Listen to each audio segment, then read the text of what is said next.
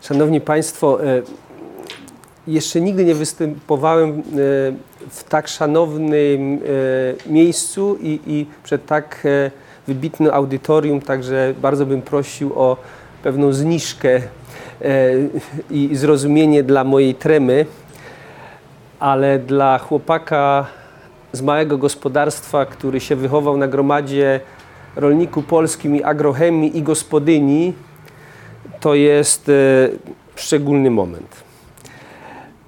E, chciałem bardzo podziękować panu profesorowi Kuźminie, bo gdyby nie pan profesor, to by mnie tu dziś nie było. Także to jest e, szczególna osoba w ostatnich miesiącach mojego życia.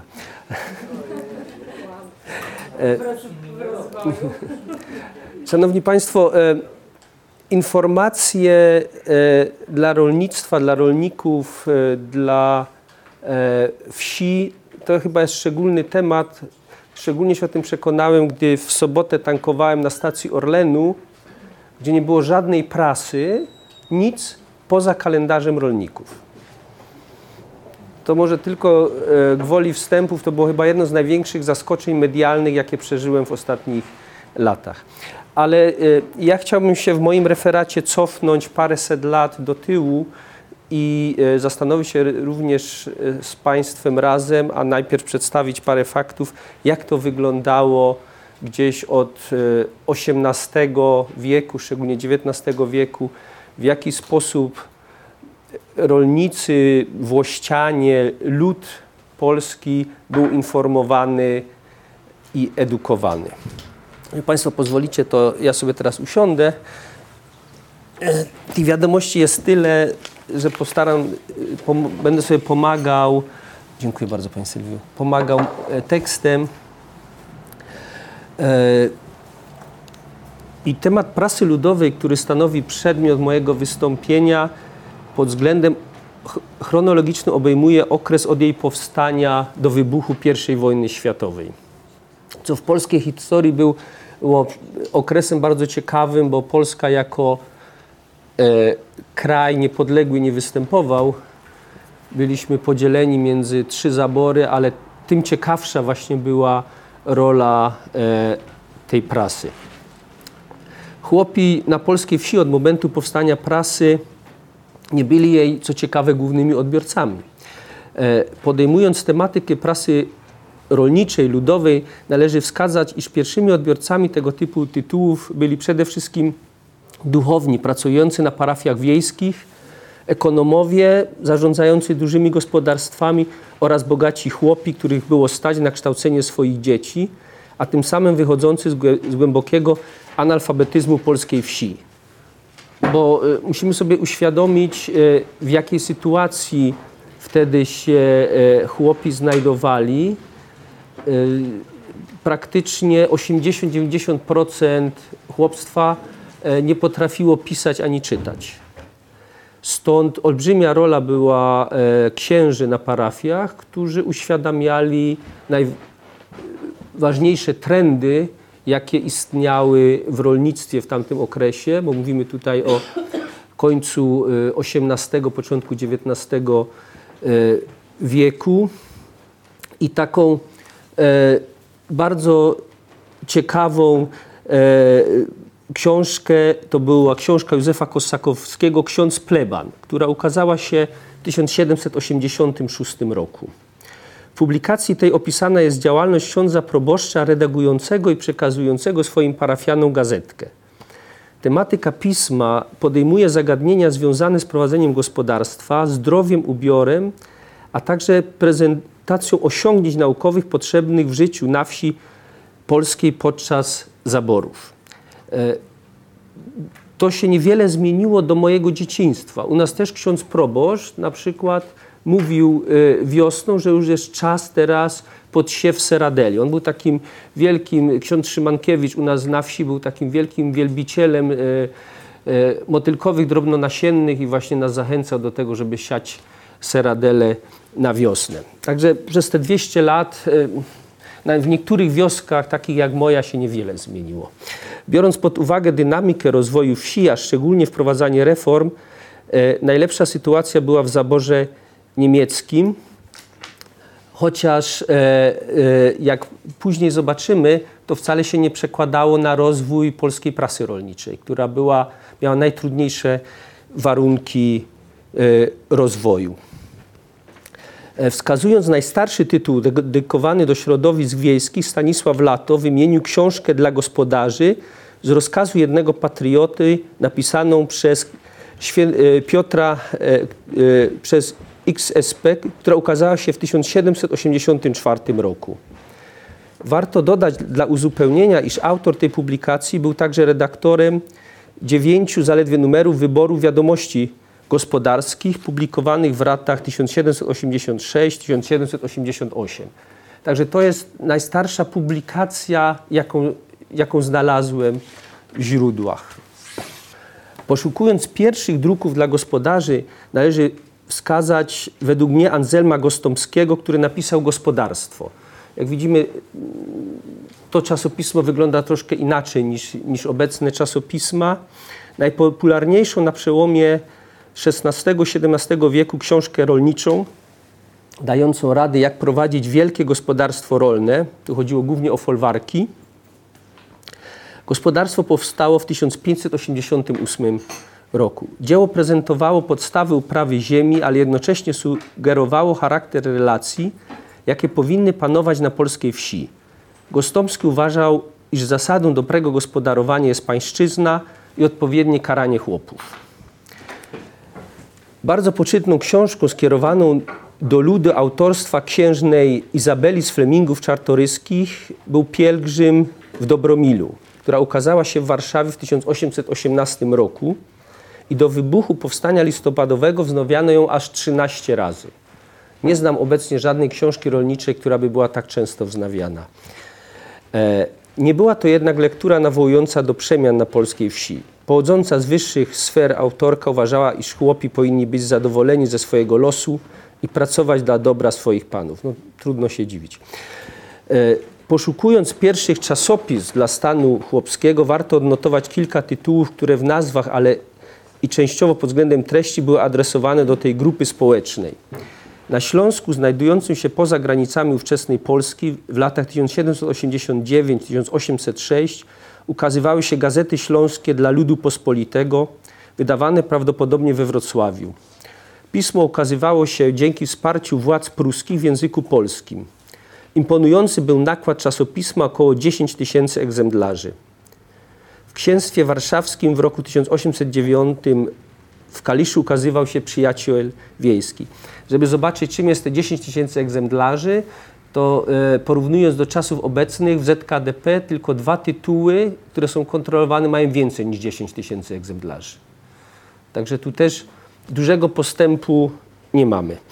E, na początku XIX wieku ukazała się Gazeta Wiejska, czyli wiadomości gospodarsko-rolnicze, 1817 Kurek Mazurski, w 1849 Gazeta Wiejska, która powstała dzięki e, Franciszkowi Ksaweremu Grosso i wsparciu Adama Czartoryskiego, który zabiegał u cara Aleksandra I o zgodę na wydawanie tytułu i taką uzyskał.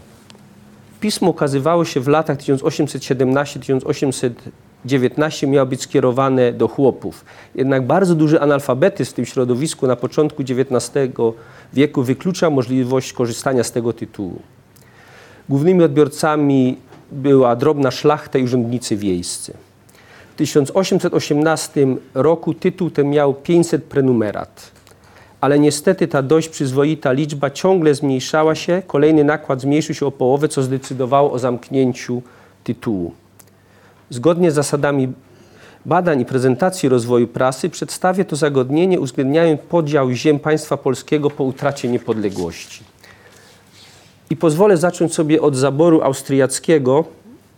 E, pochodząc z Górnego Śląska, moja babcia się urodziła w trójkącie trzech cesarzy, także mi wszystkie trzy zabory są jednakowo bliskie, także tutaj kolejność nie ma wpływu na e, jakieś tam moje szczególne emocje.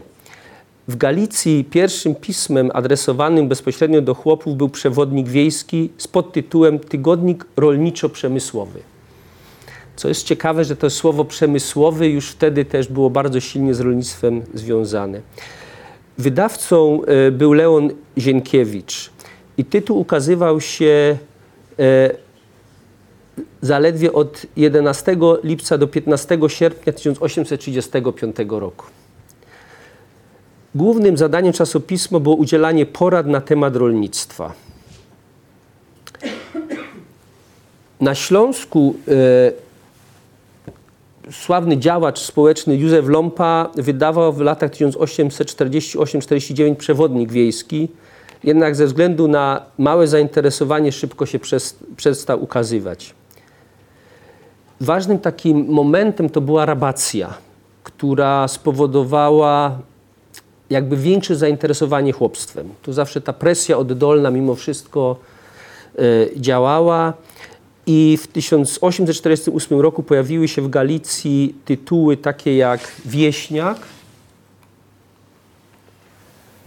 Krakus, Prawda, Szkoła Ludowa. Redaktorem Krakusa był Władysław Iżycki. Pismo obarczało winą za przemiany lat 40. XIX wieku administrację austriacką i polską szlachtę.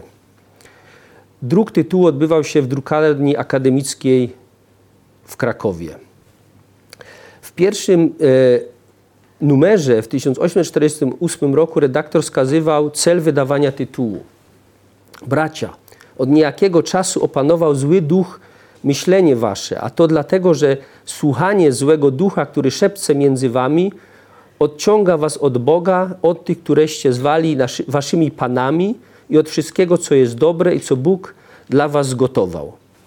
Myślę, że w obecnych czasach też można w niektórych tytułach podobne cytaty znaleźć. E, ważną rolę w piśmie odgrywały informacje ze świata. W rubryce Co słychać w świecie redaktorzy relacjonowali najważniejsze wydarzenia z Europy, zarówno te o tematyce politycznej, jak i religijnej, komentując również wydarzenia ze stolicy apostolskiej. W Lwowie w tym okresie ukazywał się Przyjaciel Ludu, nowiny polityczne dla ludu. W mniejszych miastach Galicji również były wydawnictwa. W Wadowicach pojawił się na przykład Tygodnik Wiejski. Poszukując pierwszych tytułów prasowych skierowanych bezpośrednio do stanu chłopskiego, należy dostrzec Dziennik Rządowy Rzeczpospolitej Polskiej, wydawany przez Edmunda Dębowskiego podczas Powstania Krakowskiego. Połowa wieku XIX jest tym czasem, kiedy w Galicji rodzi się ruch ludowy, a co za tym idzie także zaczęły ukazywać się pisma skierowane bezpośrednio do czytelnika wiejskiego.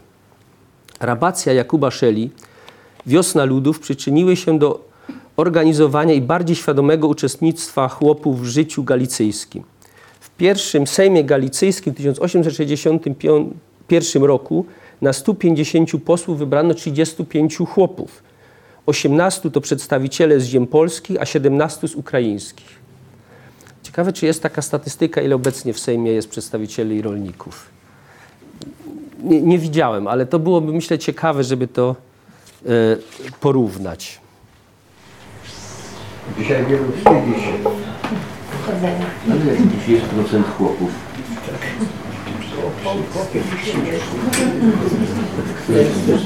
Znaczy pani Sylwia mi wskazuje, że dyskusja ma być później. Ale myślę, że bardzo ciekawymi tytułami, które ukazywały się od roku 1875, to były tytuły Wieniec i Pszczółka. E, to y, y, kupił, te tytuły kupił ksiądz Stanisław Stojałowski i nakreślił im nowe zadania. To chyba była pierwsza w historii właśnie taka e, próba pozycjonowania tytułów e, e, rolniczych. Ja to próbuję w wydawnictwie od 25 lat z bardzo miernym skutkiem. Zresztą księdzu się też to nie udało. E, gdyż e, według wskazówek Stojałowskiego e, wieniec powinien podejmować zagadnienia polityczno-społeczne, a pszczółka przede wszystkim była nastawiona na moralizatorstwo i podkreślanie wartości Kościoła katolickiego. Ale obydwa tytuły właściwie wymieniały się tymi tematami. W 1911 Stojałowski przekazał te pisma narodowej demokracji. Także tutaj zaczęła wkradać się polityka. Jednym z czołowych pism ruchu ludowego, jakie powstało w Galicji, to był Przyjaciel Ludu, które zaczęło ukazywać się 1 kwietnia 1889 roku i nieprzerwanie było wydawane do 1939 roku. Był to jeden z najdłużej wydawanych czasopism e, o tematyce rolniczej w Polsce.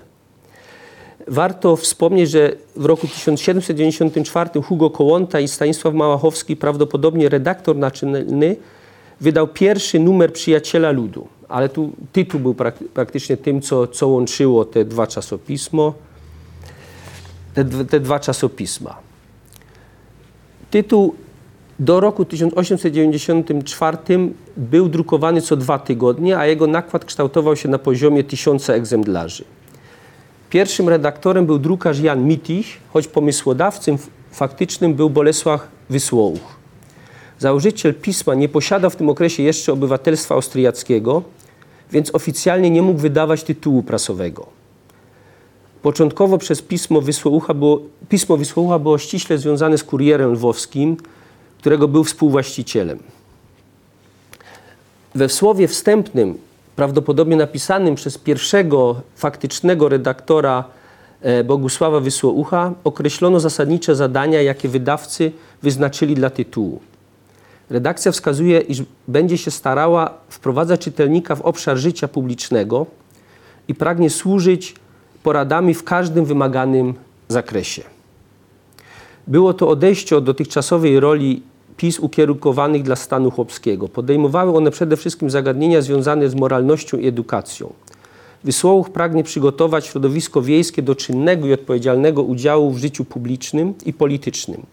Pismo także zachęcało czytelników do pisania do przyjaciela ludu z zadaniem, aby w drugich stronach ludzie wiedzieli, co się gdzie, niegdzie dzieje, a jak wypadnie razem, co zrobić, żeby się przez tą gazetkę porozumieli.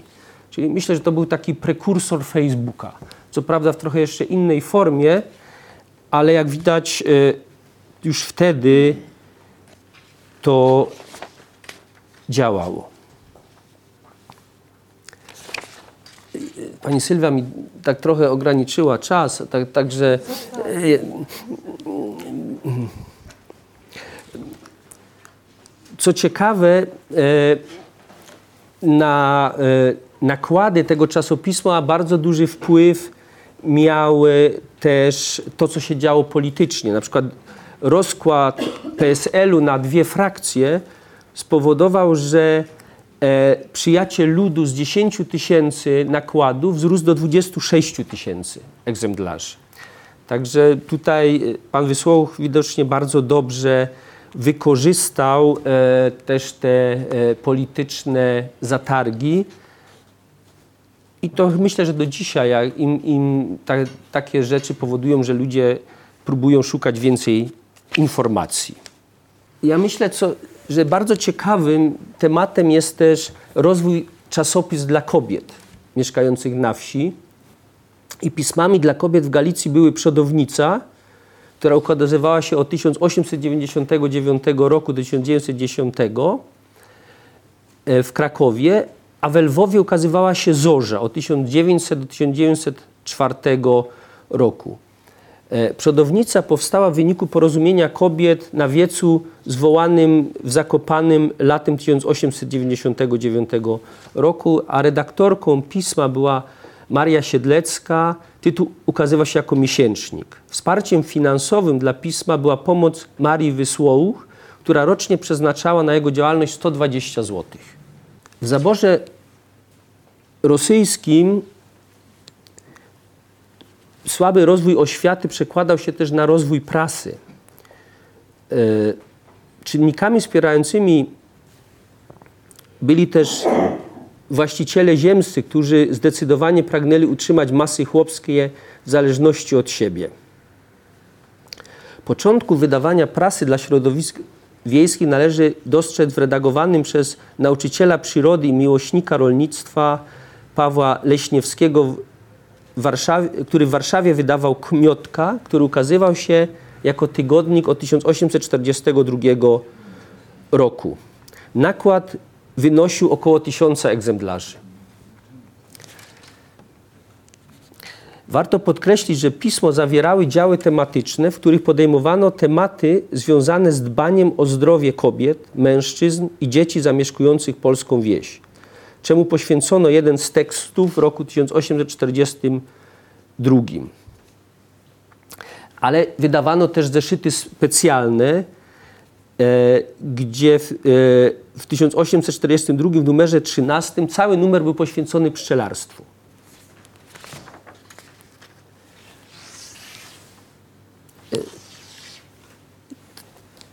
jednym z pierwszych czasopism, tygodników, które się ukazały w zaborze rosyjskim, to było czasopismo Zorza, która powstała w 1866 roku. Założycielem, jednocześnie redaktorem był Józef Greinert. E, podejmowane tematy w Zorzy były przez pierwszego redaktora prezentowane dość mało konkretnie.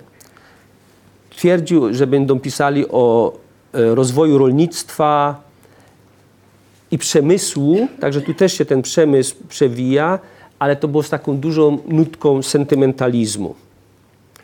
Zauważyć także należy, iż Greiner miał inklinację do dość dużego pouczania chłopów pod względem moralnym.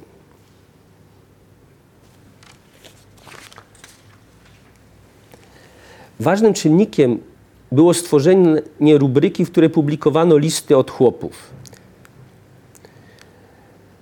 E, Malinowski, następny redaktor tego czasopisma, odszedł e, w 1907 roku z tytułu, a Zorza powoli stawała się pismem związanych z narodową demokracją. Czyli jak widzimy, te, wiele tych pism właśnie od takiej stricte edukacyjnej roli przechodziło, czy było przejmowane przez ruchy polityczne w celu reprezentacji określonych poglądów politycznych.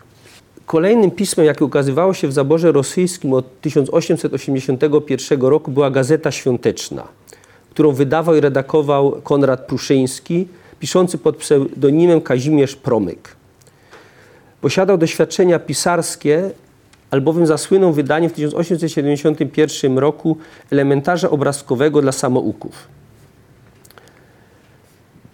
Jako sprawny organizator przejął składnicę księgarską w TON w 1878 roku i następnie otworzył własne księgarnie, co przyczyniło się do sprawnego upowszechniania jego działalności wydawniczej.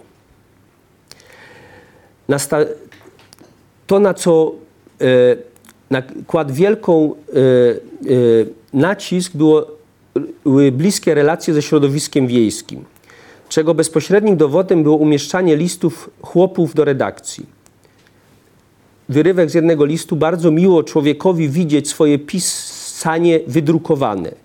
Więc też ja, gdy mam kilkanaście groszy, to zamiast kupować tytoniu, wolę posłać listy do gazety świątecznej. Mi to bardzo przypomina też obecne listy, które dostajemy do redakcji, także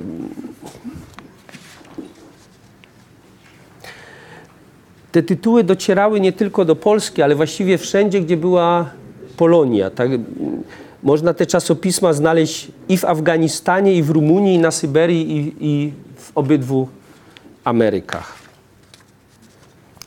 Przemiany polityczne i potrzeba walki o sprawy chłopskie spowodowały powstanie Towarzystwa Kółek Rolniczych w 1906 roku. Organizacja ta pod względem politycznym chciała zachować niezależność od dominującej w zaborze rosyjskim narodowej demokracji.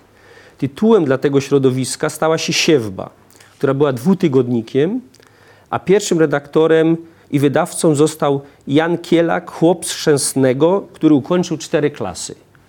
Myślę, że to jest y, bardzo ciekawy element i, i Jan Kielak był chyba pierwszym redaktorem pochodzenia chłopskiego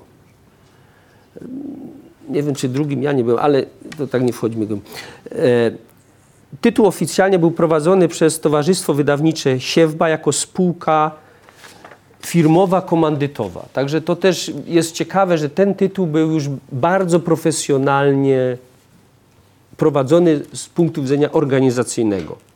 Przyje przynależność do towarzystwa była obłożona m.in. obowiązkiem wpłacenia 12 rubli, co stanowiło jeden udział w spółce. Pierwszy numer ukazał się w Tłuszczu pod Warszawą w 1906 roku. Ważnymi tytułami w zaborze rosyjskim były te, było też czasopismo Zaranie, którzy e, było powołane przez tak zwany ruch zaraniarzy, głoszący hasła niezależności chłopów od panów i kleru. Redaktorem Zarania został Maksymilian Malinowski. Pierwszy tytuł ukazał się 28 listopada 1907 roku, a wielkim wsparciem dla redakcji była bezwrotna pożyczka w wysokości 500 rubli, jaką przekazał ty na tytuł Stanisław Świętochowski. Najważniejszym celem nowego tytułu było budowanie współpracy między robotnikami i chłopami. W korespondencji y, do redakcji tematyka współpracy, szczególnie przed wybuchem I wojny światowej, była mocno akcentowana. W imię dobra interesów ludu pracującego w fabryce, czy w warsztacie, w kopalni, czy na roli, biurze lub gumnie dworskim wskrzeszajmy ideę braterstwa, bo tak każe i zmusza chwila obecna i przyszłość. Zaranie inicjowało powstawanie małych grup rolniczych, dziś byśmy to pewnie grupy producenckie nazwali, których zadaniem była m.in. taka organizacja codziennych prac na wsi, aby móc jak najlepiej wykonywać wszystkie obowiązki w gospodarstwach. Dotyczyło to na przykład kwestii kolejności wypasania wiejskich krów, dzięki czemu pozostali mogli podejmować się innych zadań. Promowania samopomocy wśród chłopów wspierało ich zbliżenie do siebie i wzmacniało w walce o prawa. Redakcja wspierała tworzenie różnych instytucji działających na rzecz rozwoju rolnictwa. Były to tak zwane, jak nazywano wtedy, działania staszicowskie, co chyba jest bliskie też idei tego, tej instytucji i te działania staszicowskie były właśnie z tym ruchem zaraniarskim bardzo silnie połączone. W porównaniu z innymi zaborami, w zaborze pruskim warunki do rozwoju prasy były stosunkowo dobre. Zarówno po wiośnie ludów, gdy w 1848 roku zniesiono cenzurę prewencyjną, a szczególnie po zjednoczeniu Niemiec w 1871 roku, wolność słowa drukowanego, choć ograniczona, zyskiwała czytelników. Efektem zmian w prawie cenzorskim na terenach zaboru pruskiego po 1848 roku były pierwsze procesy prasowe, które nasilały się one ze względu na różną dynamikę antypolskiej polityki zaborców. Konsekwentnie cenzurę prewencyjną zastąpiono cenzurą represyjną, która ukierunkowana była zgodnie z sądownictwem niemieckim na redaktorów naczelnych, dziennikarzy, wydawców, drukarzy, a nawet kolporterów. Dawało to bardzo wiele możliwości do wszczynania licznych procesów sądowych. Zniesienie opłat stemplowych na prasę w 1885 roku zniosło bariery fiskalne, które mogły ograniczać rozwój tytułów prasowych w Wielkopolsce. W tej części dawnej Rzeczpospolitej możemy zaobserwować budowanie profesjonalnych i dobrze zarządzanych wydawnictw oraz, co bardzo ważne, tworzenie zespołów dziennikarskich, które kreowały politykę wydawniczą zarówno pod względem treści, jak i formy w poszczególnych pismach. Tygodnikiem drukowanym stanowi chłopskiemu w zaborze pruskim była szkółka niedzielna, która ukazywała się od 1837 do 1853 roku, ukazująca się z podtytułem Pismo czasowe poświęcone Włościanom, a była wydawana w Lesznie. Osiągała nakład 2000 egzemplarzy, liczyła stron 4. Wydawcą ty tygodnika był Ernst Wilhelm Güttner, który prowadził własną drukarnię, introligatornię, księgarnię oraz zajmował się wypożyczaniem książek. Prawdopodobnie wpływ na stworzenie pisma miał Dezydery Chłapowski, który ponosił w części koszty druku. widzimy, to się dosyć przewija wszędzie, że były by, byli, e, były osoby, które wspierały rozwój e, piśmiennictwa.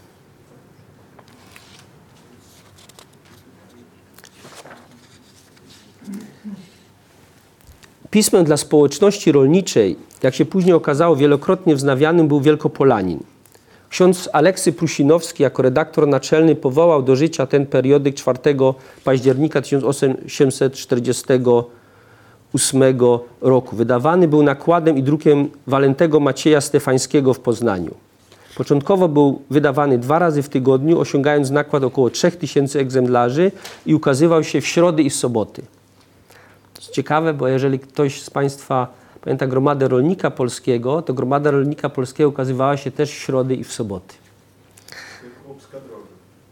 Ta, podobnie, dokładnie tak. Znaczy u mnie w domu była Gromada Rolnik Polski, stąd jakoś to czasopismo mi jest bardziej znane niż Chłopska Droga, ale ma pan rację, że, że to było zupełnie tak samo. E,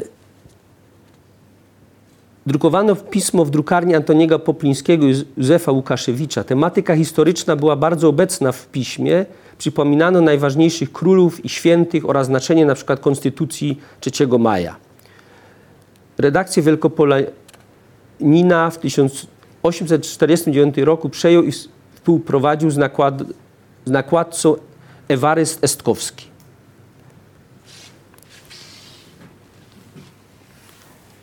Kolejnym periodykiem pojawiającym się w Wielkopolsce w tym samym okresie był Biedaczek, czyli mały i tani tygodnik dla biednego ludu, który zaczął ukazywać się w Toruniu 1848 roku. Julian Preis był wydawcą i nakładcą tego czasopisma. Pismo ukazywało się do czerwca 1850 roku. Redaktor stara się wskazywać chłopom, iż mimo ich funkcjonowania w zaborze pruskim są Polakami, jak ich bracia w Galicji i w zaborze rosyjskim. Warto odnotować także, iż zaliczał do grona Polaków środowiska kaszubskie i Mazurów.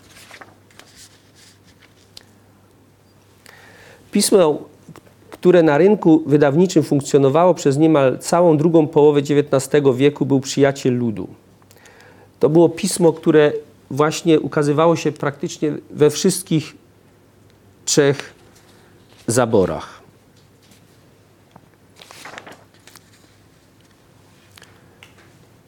Duże znaczenie miała kwestia doboru autorów treści kierowanych do środowiska chłopskiego. Często były to osoby duchowne, co było istotne dla nowych tytułów. E, co ciekawe, autorzy świeccy często przedstawiali się pod pseudonimami księży, gdyż dzięki temu e, chłopi lepiej te artykuły odbierali i to wtedy księża byli dla nich olbrzymim autorytetem, również fachowym. W 1883 roku ponownie zaczął ukazywać się Wielkopolanin, który był już jako spółka akcyjna jako grupę docelową należy wskazywać raczej bogatych chłopów. I wtedy wychodził w nakładzie 7 tysięcy egzemplarzy.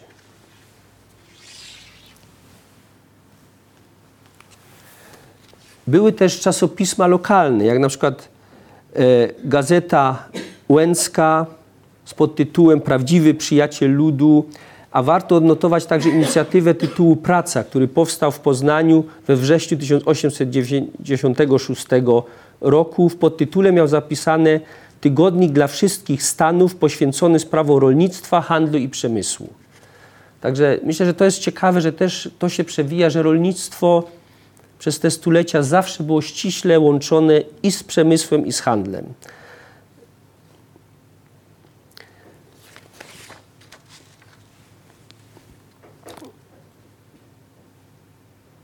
Także to mm, były właściwie te tytuły, które tak, bo patrzę na czas, y, Sylwia mi wyraźnie powiedziała, nie przekracza 40 minut.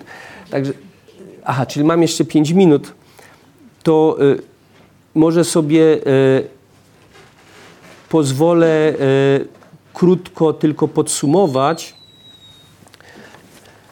Jak widzimy, czasopisma rolnicze mają już historię kilkusetletnią. I to, co dla mnie było ciekawe, że czasopisma te miały zawsze charakter edukacyjny. W, ty, w tym okresie e, rozbiorowym starały się dotrzeć do chłopów w różny sposób. Wykorzystywały bardzo silnie autorytet proboszczów wiejskich, którzy wtedy też mieli własne gospodarstwa rolne. E, ważnym aspektem był ten aspekt patriotyczny. Początkowo był też ten aspekt stanowy, gdzie starało no, się przekonać chłopów o tym, że ten porządek jest jedyny właściwy. I dopiero właściwie po rabacji, po wiośnie ludów e, pojawia się ten taki nurt polityczny w tych czasopismach. Partie polityczne, stronnictwa zaczynają przejmować te czasopisma, aby promować też swoje poglądy polityczne.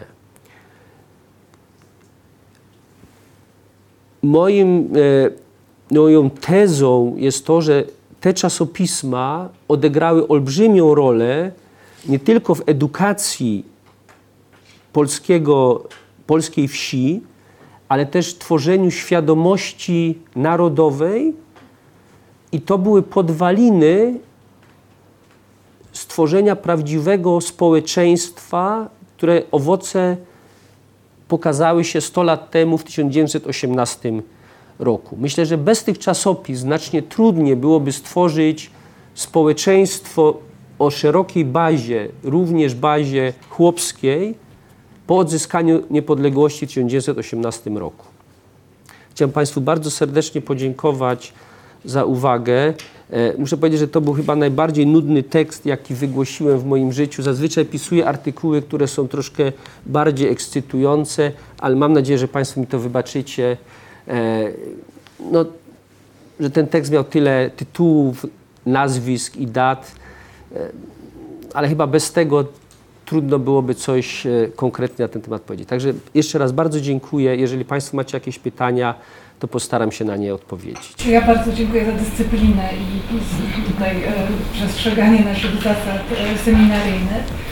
E, chciałam powiedzieć, że mam poczucie, że dostaliśmy taki bardzo bogaty pakiet, bo Pan mówił zarówno o tym, jaka była geneza powstania pism, jak działał trochę od strony organizacyjnej, kto je finansował, jakie były nakłady, e, trochę o treści jakaś tam e, pojawiała, także myślę, że materiał do pytań na pewno będzie bogaty i nie wiem, może wmieszamy i pytania i komentarze w różnych turach. Ja zapytam zaraz, kto chciałby zadać pytanie, będę nie zbierać po trzy, odpowiedź i, e, i oddamy, oddamy głos Panu. Czy są pierwsi chętni do tego? Pan doktor Lutyk. Można? Tak, tak, bardzo. Ja chciałbym powiedzieć, że o tym tekście, który Pan wygłosił, można powiedzieć wszystko, tylko nie to, że było nudny. Dziękuję bardzo. To pierwsza uwaga. Y, Druga uwaga, że jest to materiał y, bardzo cenny dla badaczy stereotypów, y, świadomości społecznej. Same tytuły, ich brzmienie, prawda? to, no to jest znakomita ilustracja, no już powiedzmy do dzieł teoretycznych, y, ważnych dla socjologii wsi, prawda, dla Józefa Hałasińskiego chociażby, y, czyli takich, gdzie podsumowywano pewne treści już y, y, w formie jakichś bardziej dojrzałych y, y, studiów warstwy chłopskiej, prawda, czy, czy, czy świadomości y, chłopów, czy rozwoju, prawda, tych, tych, tych, tych zjawisk. To jest y, uwaga druga. Uwaga trzecia się wiąże ze Związkiem Prasy Rolniczej, z polityką i stronnictwami y, politycznymi, ponieważ to się kształtowało, to był pewien proces gdzieś tam od połowy XIX wieku No i koniec XIX wieku, czyli kształtowanie się ruchu ludowego. Y, I to, co Pan tutaj zauważył, że na przykład y, przejmowanie przez narodową demokrację, y, no wielu tych tytułów, wiele, no wiele, wiele tych treści. No o tym można by dużo mówić, ale żeby to było bardziej syntetycznie, to chodzi mi tutaj może też o to, że Pan też tutaj zauważył, że kształtował się też y, ruch krytyki w stosunku do y, tych treści klasowych, y, nacjonalistycznych, czy tych no, związanych właśnie z proboszczami, z tą, tą codzienną pracą prawda, nad świadomością też, też chłopów, czyli ruch antyklerykalny. To zaranie, które Pan zaranie wymienia, tam też mówiono o nich zaraniarze, a później już w II Rzeczpospolitej byli wiciarze. Bo to jest ten, ten nut z tego zarania, prawda, powstał ten, ten ruch wiciowy, czyli właśnie taki emancypacyjny, antyklerykalny, antyprawicowy, związany z takimi tytułami jak Wici i Młoda Myśl Ludowa, więc to jest dosyć ważna geneza tego ruchu. No i na, na koniec może jeszcze y, dwa słowa o tych y, y, kalendarzach, bo tutaj po prostu mi się przypomniało trochę. Znaczy trzeba w ogóle powiedzieć, że, te, że kalendarze odegrały wielką rolę, jeśli chodzi o oświatę o codzienne, o takie codzienne, tak jak się dzisiaj kupuje gazetę, prawda, codziennie, jeśli ktoś jeszcze kupuje, to, no to tam, prawda, kupowało się kalendarz i czytało się, co jest na danej, na danej stronie. Ja kiedyś znalazłem taki kalendarz y, z połowy, y, z, z początku XX wieku, raczej adresowany do, do. I tam była bardzo zabawna, tam, była tak, tam było takie narzekanie na jakieś importowane maszyny rolnicze. I potem ktoś tam właśnie pisał, że to, że takie maszyny to może są dobre w Stanach Zjednoczonych, gdzie każdą część zamienną można sobie zamówić przez telefon i ona będzie dostarczona szybko do gospodarstwa. No ale w Polsce to nie bardzo. Dziękuję. Dziękuję bardzo. Tutaj pani Berenaczka zgłaszała Pan oczywiście podkreślał słusznie edukacyjną rolę. Ja ją widzę w dwojaki sposób. Po pierwsze sprzyjało to także alfabetyzacji. Tak. Prawda? Czyli fakt, że inni czytają, próbowali na, na tych właśnie kalendarzach w dużej mierze. Jeżeli mogę tylko dodać, bo przepraszam, e, bo czytano te czasopisma często w tak zwanych kółkach czytelniczych i, i, i to, to, co Pani Profesor właśnie mówił, to bardzo, bardzo wspierało. Natomiast y, edukacyjna rola szeroko pojęta w różnych branżach, prawda? Patriotyczno-narodowej, obywatelskiej, y, rolniczej. Czy jest, byłby Pan w stanie po przeglądzie wedle już zaborów przypisać dominację którejś z tych funkcji w poszczególnych zaborach? Myślę, że to jest trudno, bo wszystkie te funkcje były we wszystkich zaborach, ale e, w zaborze rosyjskim ewidentnie decydowała ta funkcja edukacyjna rolnicza. E, w zaborze pruskim, który może tak z powodów czasowych nie wyszło to, ale zabór pruski, raczej rolnicy polscy w zaborze pruskim mieli bardzo trudny dostęp do wiedzy rolniczej w języku polskim. Bo obowiązujące od początku XX wieku przepisy kolportażu uniemożliwiały kolportaż prasy w języku polskim. Także prasa polska e, praktycznie występowała w podziemiu, stąd w zaborze pruskim ta myśl taka patriotyczna, narodowościowa była znacznie silniejsza niż w zaborze rosyjskim.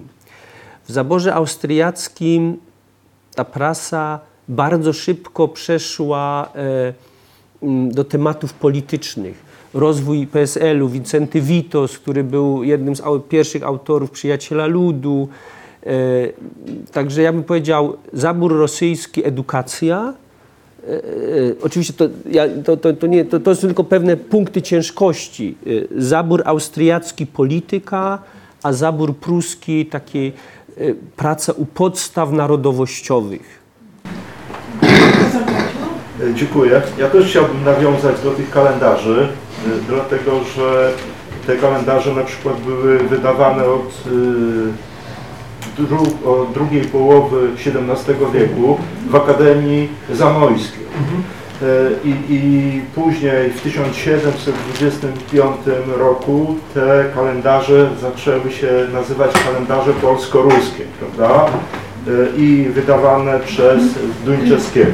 A tak, jeżeli przystąp przy tej Akademii Zamojskiej, to pierwszy podręcznik do y, podręcznik w zakresie rolnictwa właśnie został wydany, tylko nie pamiętam, już nie w Akademii Zamojskiej, bo Akademia Zamojska po zaborach została zlikwidowana i w to miejsce powstało liceum y, rolnicze i, i autorem tego pierwszego podręcznika był Bazylii Kukowi.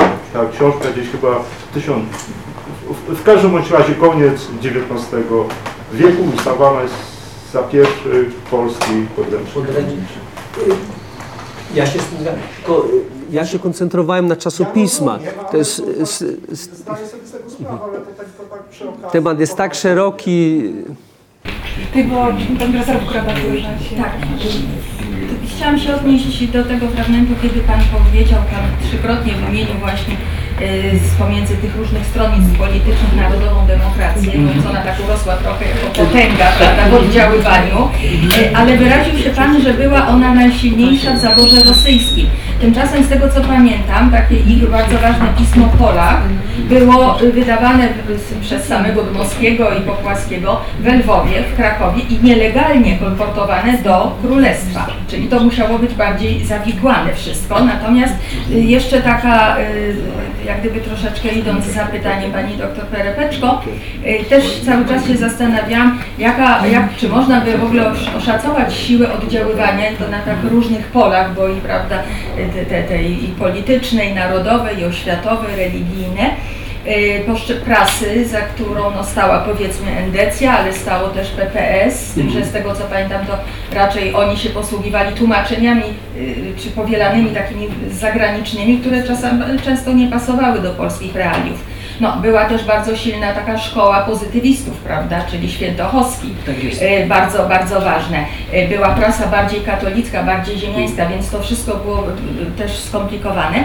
Ale e, troszkę tak anegdotycznie chciałam powiedzieć, że wydaje mi się, że nie, trudno, nie powiem jaka mogła czy by tak być siła oddziaływania prasy poszczególnych ugrupowań na właśnie na polską wieś, ale na mm, pewną szkołę myślenia w, w socjologii wsi chyba niewątpliwie mm, silnie oddziałała właśnie taka pewna metafora, y, jak sądzę, wszczepiona przez y, właśnie ideologów endeckich, którzy, jak tutaj cytuję za panią Anną Karczewską z takiej książki przed rokiem wydanej, Czemu ten nasz chłop ciemny?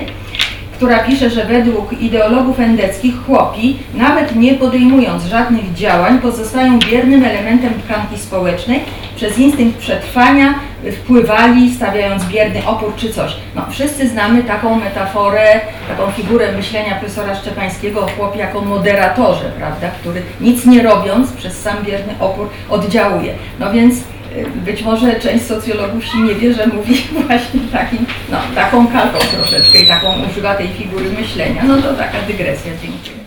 Pani profesor, e, co do roli endecji, ona, jak wszyscy wiemy, skupiała się głównie na roli narodu polskiego, stąd pewnie e, bardziej taka silniejsza tendencja do e, przejmowania tych czasopism niż w PPS-ie, którzy przynajmniej w tamtym okresie głównie kierowali się tą ideą internacjonalizmu.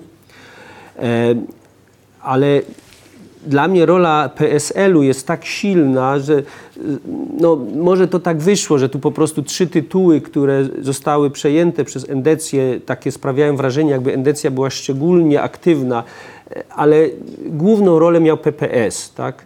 E, co do siły oddziaływania, to jest bardzo ciekawy temat. Siła oddziaływania, czy w ogóle czasopismo jakiekolwiek oddziaływanie, to, to możemy aż do dzisiejszego dnia przenieść, czy, czy, czy to, że ktoś publikuje czasopismo, czy ma w ogóle jakikolwiek wpływ na to, co się dzieje. E, myślę, że przynajmniej w tym okresie XIX wieku te czasopisma miały olbrzymią siłę oddziaływania z tego powodu, o czym pani doktor już wspominała, że to nie było tak, że nawet jak czasopismo miało tysiąc egzemplarzy, to nie było tak, że to czytało tysiąc osób. To, to były całe grupy, kółka czytelnicze, gdzie często schodziła się cała wieś zimowymi wieczorami i albo proboszcz, albo y, sołtys y, czytali na głos y, te artykuły. I, I, to znamy z wielu utworów artystycznych, gdzie właśnie takie, takie spotkania się odbywały. Stąd myślę, że wpływ tych czasopism był olbrzymi. E, I szczególnie, e, i to nie tylko, nie tylko edukacja taka zawodowa, ale też edukacja patriotyczna, świadomość swoich praw. To na przykład w Galicji było bardzo silne. E, to, że było tych 35 posłów na Sejm Galicyjski, no świadczy o czymś. Tak? No skądś oni te informacje, skądś tą motywację do kandydowania musieli mieć, a po drugie te warstwy chłopskie, które miały prawa wyborcze, musiały skądś się dowiedzieć, na kogo głosować. I i to myślę jest y, często w obecnym też dyskursie, często jest y, niedostrzegane y, te pobudzenie tych mas chłopskich, szczególnie w Galicji, do, do tego jakby samodzielnego myślenia. To, bo, bo chłop miał zawsze ten opór, tak? To, to, to o czym pani profesor mówiła. To, ja to znam z mojego środowiska, że mój dziadek powiedział, tam tego nie będziemy wprowadzać, bo mi to nie pasuje i koniec, kropka. Nie, nie było dyskusji, to było takie trochę myślenie z brzucha, jak to kiedyś nazywaliśmy, teraz wiemy dzięki nowym badaniom e, neurologicznym, że mamy drugi mózg w brzuchu. Tak? Kiedyś, kiedyś się mówiło, że, e, że myśleliśmy z brzucha, a chłopi głównie myśleli z brzucha podobno.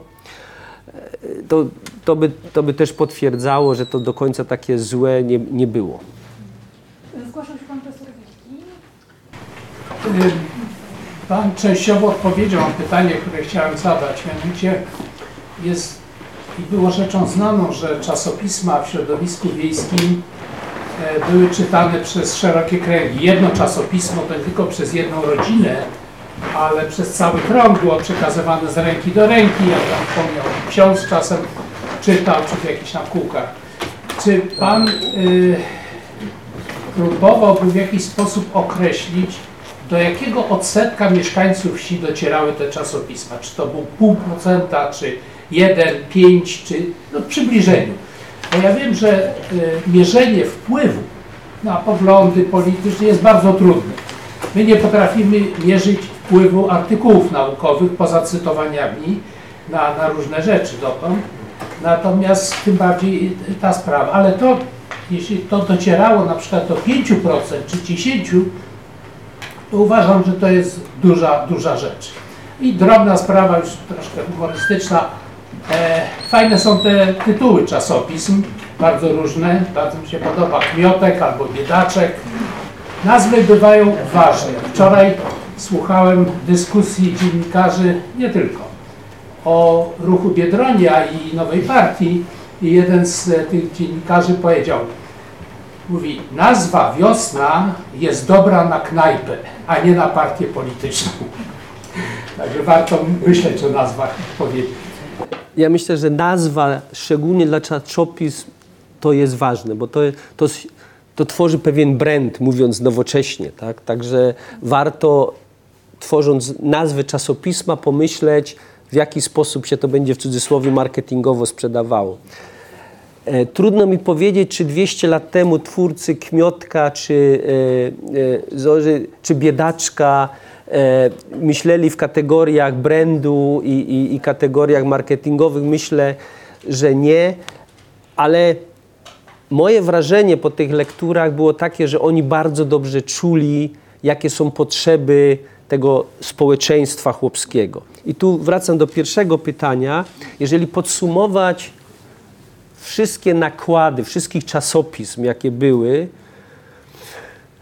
to one w sumie już w porywach no, no nie przekraczają 50 tysięcy. Czyli jeżeli policzymy ogrom milionów społeczeństwa chłopskiego, no wtedy 90% społeczeństwa mieszkało na wsi, czyli licząc, że było gdzieś około 35 milionów osób, no trudno szacować wtedy, bo to wiele tych czasopism nie kierowało się tylko do osób narodowości polskiej, ale też do narodowości ukraińskiej e, czy narodowości żydowskiej. Także, mm, ale my nawet dzisiaj wiemy z badań, że jedno czasopismo, jedno, jeden egzemplarz jest czytany przynajmniej przez sześć osób.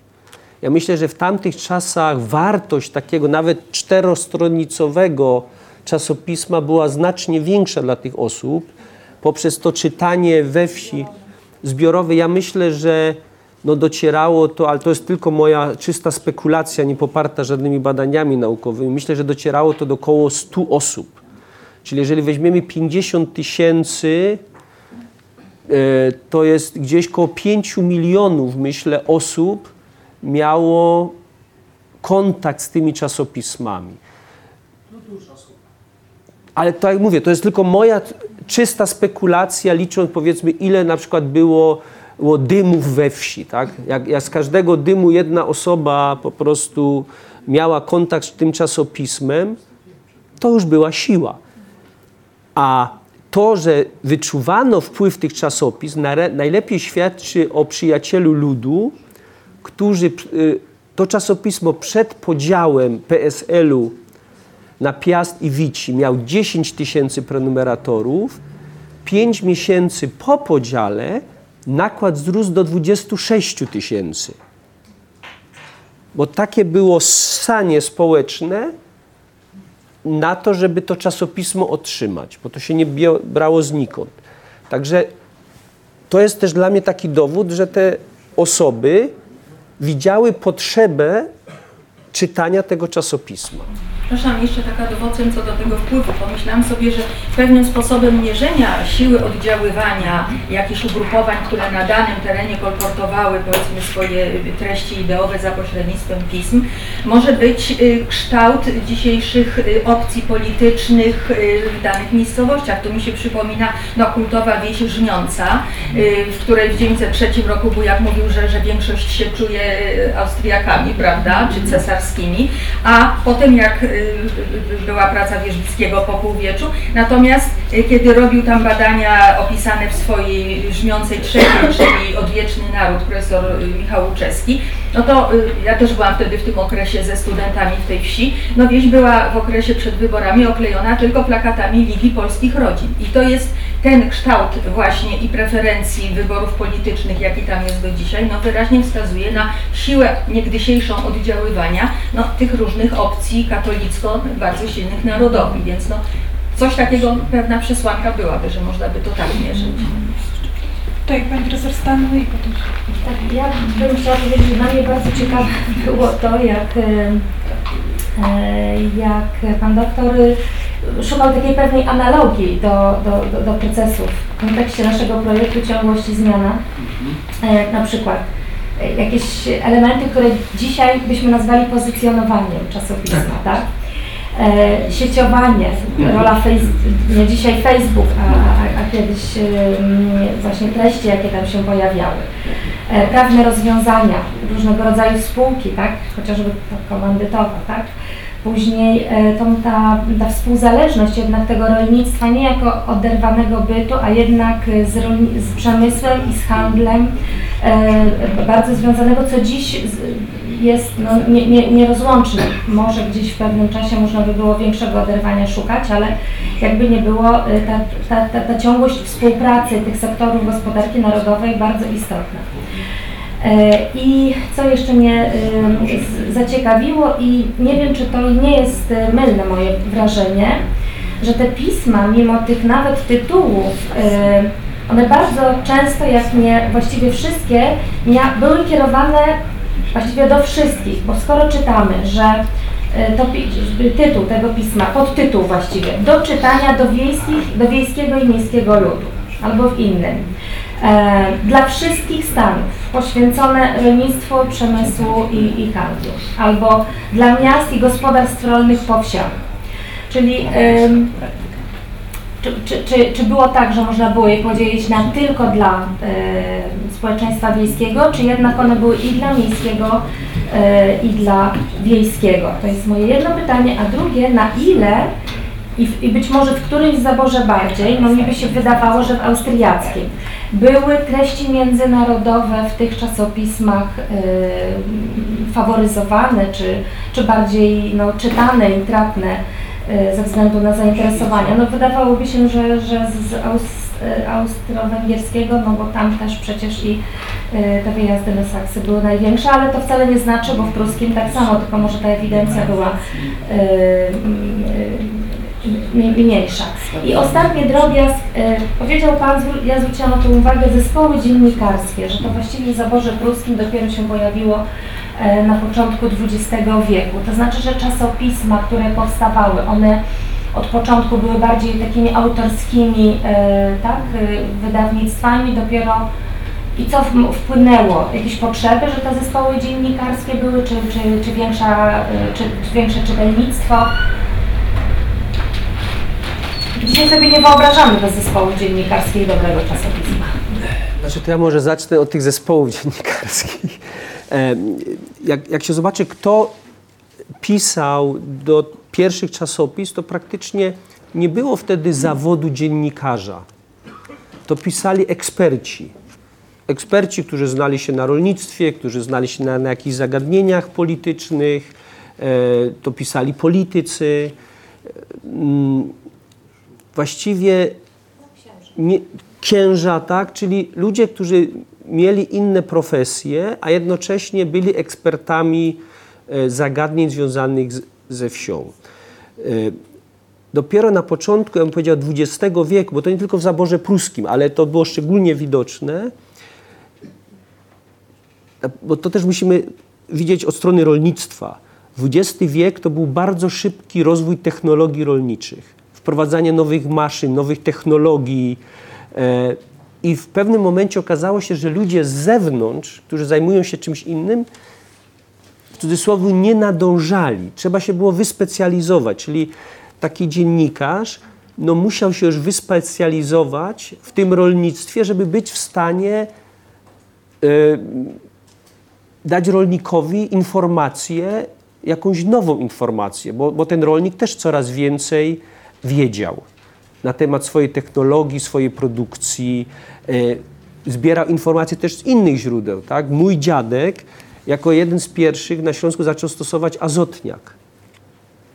I to nie jako nawóz, bo nie wiedział, że to ma, może być nawóz, ale stosował azotniak, bo sąsiad, który pracował w zakładach chemicznych wtedy w Królowej Hucie, czy obecnie w Chorzowie, powiedział mu, słuchaj, jak sypiemy ten azotniak po ziemniakach, to nie ma zarazy. Czyli ta informacja nie tylko pochodziła z czasopis, ona to też była wymiana między, międzyludzka. I taki dziennikarz, żeby on był w stanie być autorytetem dla rolnika, to on już nie mógł być księdzem, który ma swoje obowiązki bądź politykiem. On musiał wtedy się kształcić w tym kierunku.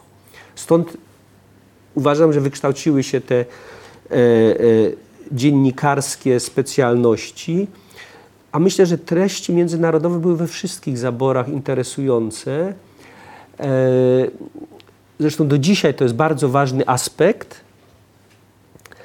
E, tyle, że w silnej cenzurze w zaborze pruskim no, pewnych treści no, nie można było publikować. Podobnie było w zaborze rosyjskim, dlatego najprościej publikowane były te informacje w zaborze austriackim, które też przenikały, bo na przykład Przyjaciel Ludu nie tylko był czytany w zaborze e, austriackim, ale też w zaborze pruskim i rosyjskim. A pierwsze zagodnienie jest bardzo ciekawe, bo e, musimy pamiętać, że w tamtych czasach rolnictwo nie ograniczało się do terenach wiejskich. Po pierwsze, zdecydowana większość społeczeństwa mieszkała na wsi, ale wiele osób parających się rolnictwem mieszkało w mieście. Przecież mieliśmy e, gospodarstwa będące na terenach miejskich, stąd trudno było rozdzielić, nie można było definiować, jak ktoś mieszka na wsi, to jest rolnikiem, a jak mieszka w mieście, to nie jest rolnikiem. To się przenikało.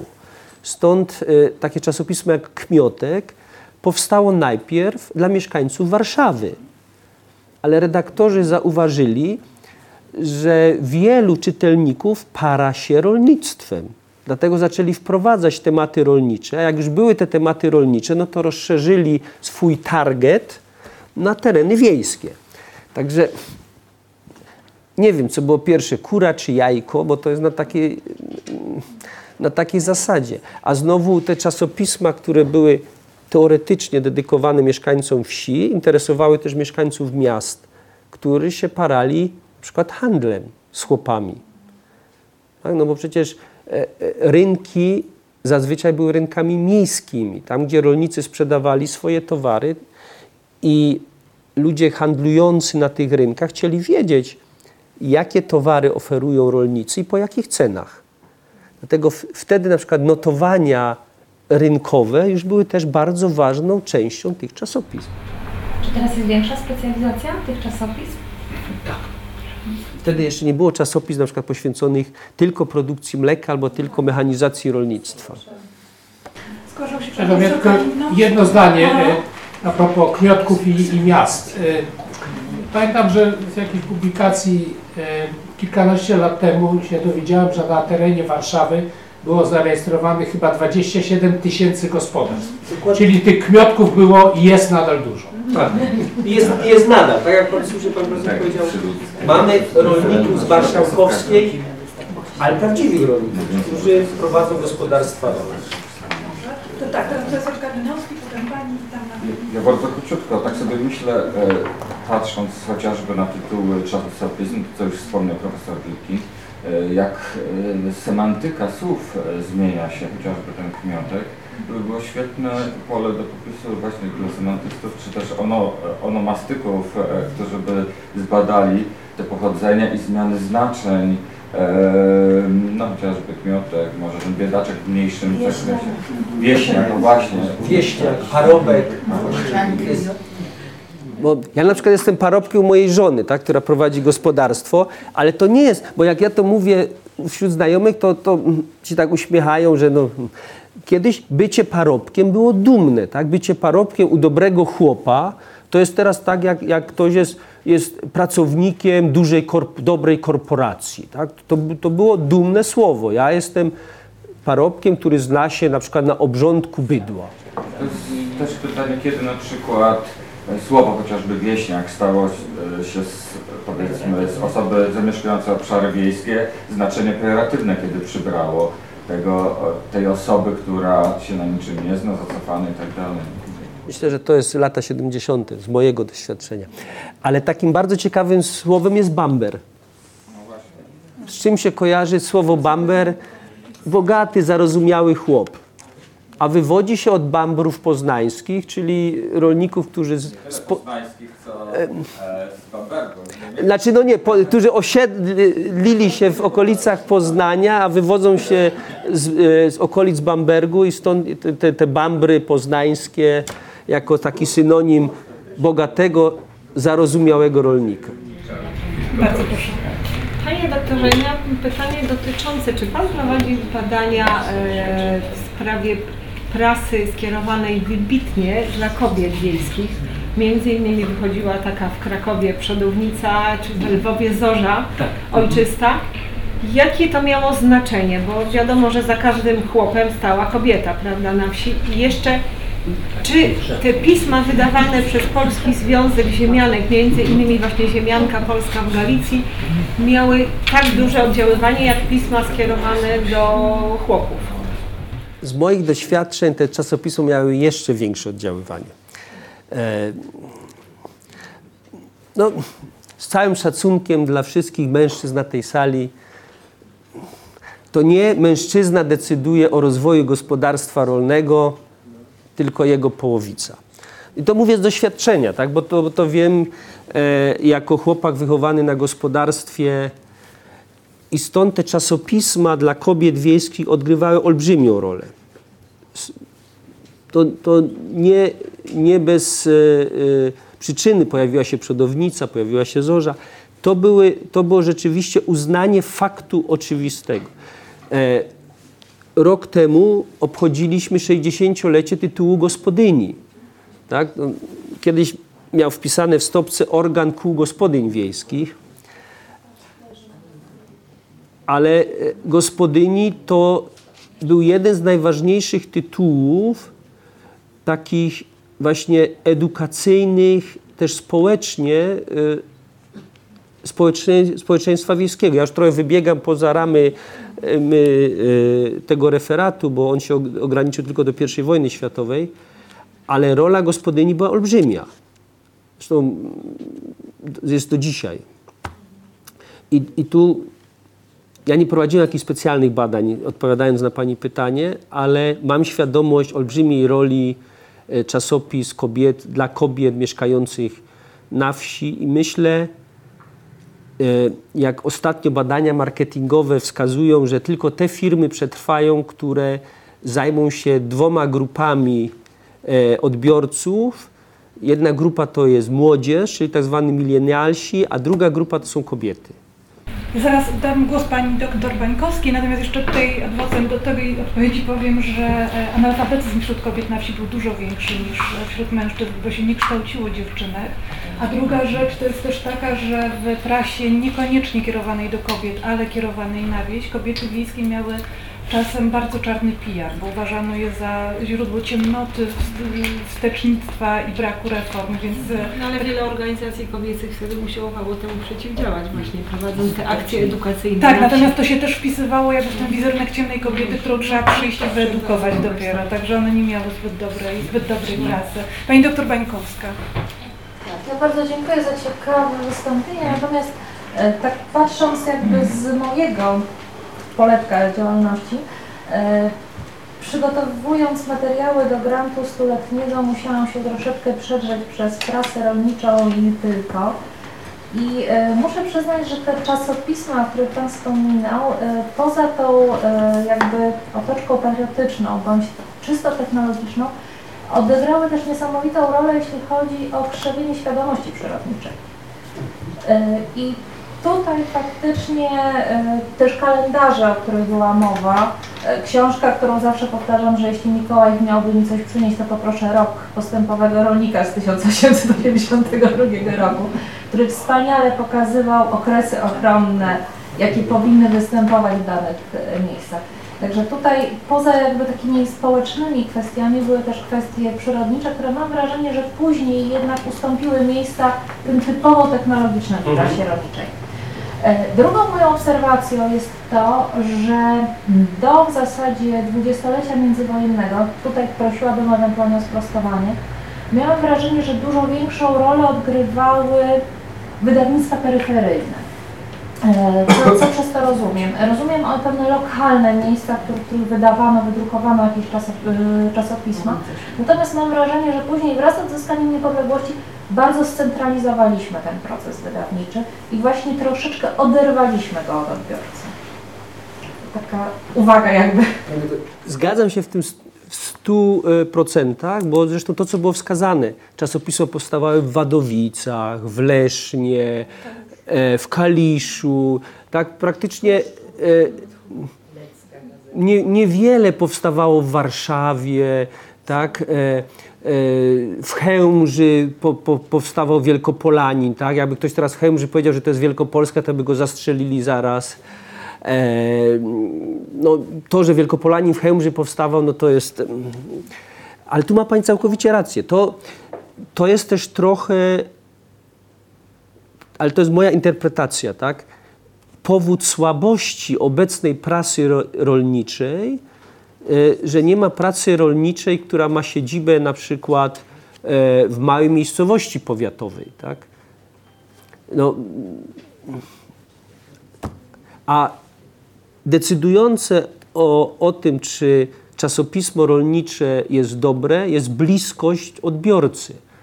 Oczywiście można też z Warszawy mieć bliskość odbiorcy, to, to nie jest wykluczone, ale e, jakby była siedziba w miasteczku powiatowym, myślę, że byłoby to bardziej wiarygodne niż redakcja w Warszawie. Była też instytucja korespondentów z terenu. Oczywiście, ale oni zawsze w obecnych czasach, ci korespondenci bardzo szybko jakoś przyzwyczajają się do mieszkania w dużym mieście. E, i, no, taka jest moja po prostu obserwacja. To, to z całym szacunkiem. Nie czy są jeszcze jakieś pytania? Pan doktor? Ja mam jeszcze takie pytanie. Tam wśród tych tytułów był jeden napisany gotycką czcionką. Lecka. Y, Co to było za pismo? Chodzi mi o to, czy nie było też pism takich niepatriotycznych y, trochę, albo była Gazeta takich y. Gazeta wydawanych Lecka. przez zaborców w języku polskim, ale, ale takich no, albo lojalistycznych, albo nacjonalistycznych, niepolskich. Znaczy myślę, że to nie tylko czcionka świadczy o tym, tylko bardziej treść. Gazeta Lęcka była taką regionalnym czasopismem. Słucham? Gdzie? To było, to było w Wielkopolsce. To jest... Oj, a nie przypadkiem na Mazurach? Lec to jest Niżycko A, tak. I ta szwabacha, czyli Mhm. czcionka na to potwierdzała to. To muszę sprawdzić. To się Nie przyznaje. miał Pan jej w ręku, bardzo chętnie bym to zobaczyła.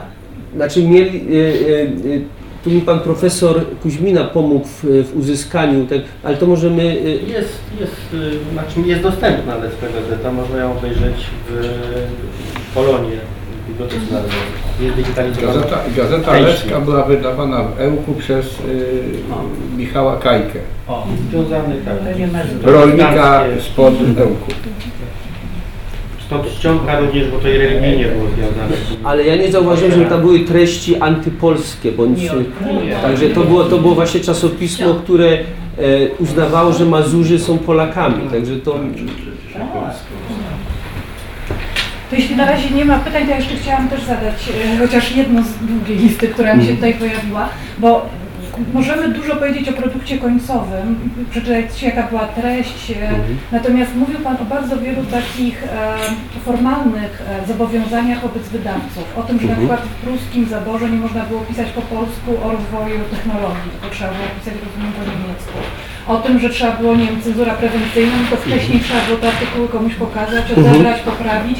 Chciałam zapytać, czy jesteśmy w stanie, czy w ogóle istnieją jakieś materiały, które pozwolą nam zrekonstruować organizację pracy redakcji, to w jaki sposób to się odbywało, jaka była dystrybucja, jak się, czy to były czasopisma płatne, na jakim poziomie ustalano cenę, czy była szansa, żeby to było dochodowe, czy to było tak, że to była czyjaś pasja i mecenat i jaka próba e, misji, a nie, a nie biznesu, który, który jest e, jakoś tam dochodowy. Czy poza tą e, jakby stroną produktu końcowego istnieją jakieś dane, nie wiem, listy między redaktorami, jakieś artykuły na temat organizacji pracy, które pozwolą zajrzeć od, no nie wiem, księgi rachunkowe, czy to w ogóle przetrwało i czy ktoś zadał sobie trud, żeby przetrwało, czy zadał sobie zostało zniszczone? Jak to wygląda od tej strony? Znaczy, co do ceny, to ceny możemy znajdować na, po prostu na egzemplarzu. Korelacja do, do Tak, to, ile to cen... e, musiałbym teraz zobaczyć, bo nawet w referacie mam ze, ze dwie, trzy wybrane ceny podane, także były to bardzo niskie ceny. W większości, jak zwróciłem uwagę, byli mecenasi, którzy e, sponsorowali te czasy, bądź wspierali e, te czasopisma. E, były czasopisma, jak na przykład e, Przyjaciel Ludu, który przy dużych nakładach na poziomie 26 tysięcy był w stanie się samodzielnie sfinansować. Ale jak to było kolportowane? To były prenumeraty? to były w większości prenumeraty wysyłane po prostu pocztą, gdzie no, nawet przy tygodniku y, wtedy no, ktoś dostawał później, tak, zanim to przeczytał, także ten dostęp do aktualności był y, troszkę opóźniony w stosunku do tego. Były to miesięczniki, periodyki. W większości było to kolportowane za pomocą poczty. I tu była bardzo trudna sytuacja w zaborze pruskim. To nie, to nie jest prawda, że nie można było pisać po polsku. Można było pisać po polsku. Można było wydawać po polsku. Tylko na początku XX wieku, chyba w 1906 roku, e, poczta pruska nie kolportowała czasopism niepisanych po niemiecku. I tu się pojawia problem. To był problem, gdzie kwestię polityczną rozwiązano w sposób techniczny. To jest w dzisiejszych czasach też widzimy, pewnych stron internetowych nie można w Chinach oglądać. To, by, to, jest zupełnie podobna e, sprawa i, i to nawet nie były jakieś ustawy pruskie z tego, co ja wiem. Ja nie znalazłem jakiejś regulacji prawnej. Po prostu pros- poczta pruska nie listowała, byśmy powiedzieli po teraźniejszemu, tytułów pisanych po polsku. Nie podpisywała umowy z takimi wydawnictwami. To nawet nie bardzo można tego było skarżyć, bo, bo no, ja, ja nie znalazłem przepisu, Pani Sylwia. Ja nie znalazłem przepisu, ale, no, ale też muszę powiedzieć, że to nie prowadziłem jakichś szczególnych badań, czy, czy tam e, w kodeksie wtedy pruskim był zakaz, tylko wiem, że poczta pruska nie kolportowała czasopis polskojęzycznych. A czy jeszcze jakieś pytania? Ja może tylko dodam do tej poczty właśnie, że to całkiem by musiał być dobry sposób na kolportowanie prasy i, no, i wszystkich innych rzeczy. O- Jak rozmawiałam jesienią z profesorem Prądzyńskim w Gdańsku, on mówi, że zawsze protestuje przeciwko tej uproszczonej wizji wsi izolowanej, zamkniętej, nie kontaktującej się prawie ze światem. Mówi, jego babka na początku XX wieku co tydzień jechała z produktami tam z Pomorza do, y, do Berlina, tam potem po południu robiła zakupy, miała obiad z rodziną, wracała. Mówi, a poczta na tę wieś przychodziła punktualnie dwa razy dziennie. Jak ja ostatnio czekałam trzy tygodnie na przesyłkę z Narodowego Centrum Kultury z Woli, Płocka na Bemowo, to sobie to zaczął, przypomniałam, funkcjonowanie poczty. No, ale to nie tylko poczta. Kolej z Poznania do Wrocławia przed wojną jeździła dokładnie tak szybko jak obecnie, także... To proszę Państwa, jeśli nie ma więcej pytań, a nie widzę już e, rąk w górze, to bardzo podziękujemy naszemu referentowi za bardzo ciekawy referat. Znaczy Pani Sylwia, jeżeli ja mógłbym podziękować całemu Instytutowi, a szczególnie Pani Monice, to, to był dla mnie wielka przyjemność i wielki zaszczyt, że, Pani Moniko, że mogłem tu w ogóle i Pani, Pani Sylwiu za wsparcie i za te nasze wspólne projekty. I, i, i myślę, że takie mówienie trochę szerzej o tym, co się na wsi polskiej działo w ostatnich stuleciach, bardzo by też ułatwiło chyba e, dyskusję, jaką obecnie prowadzimy w naszym kraju, te wszystkie przeciwności między miastem i wsią. Moim zdaniem nie ma tych przeciwności. To, co pani profesor powiedziała, że to zawsze się przenikało. Tak? Ani miasto sobie nie da rady bez wsi, ani wieś bez miasta. I jeżeli moglibyśmy wspólnie właśnie w tym kierunku też pokazać naszemu społeczeństwu, że to jest jeden organizm. Mamy pomysł na kolejną syntezę 200 lat. 200 lat, prawda? Możemy relacji wieś, tak. Ja mam nadzieję, że to był pierwszy z większej liczby spotkań na, na ten temat medialny. Bardzo dziękuję.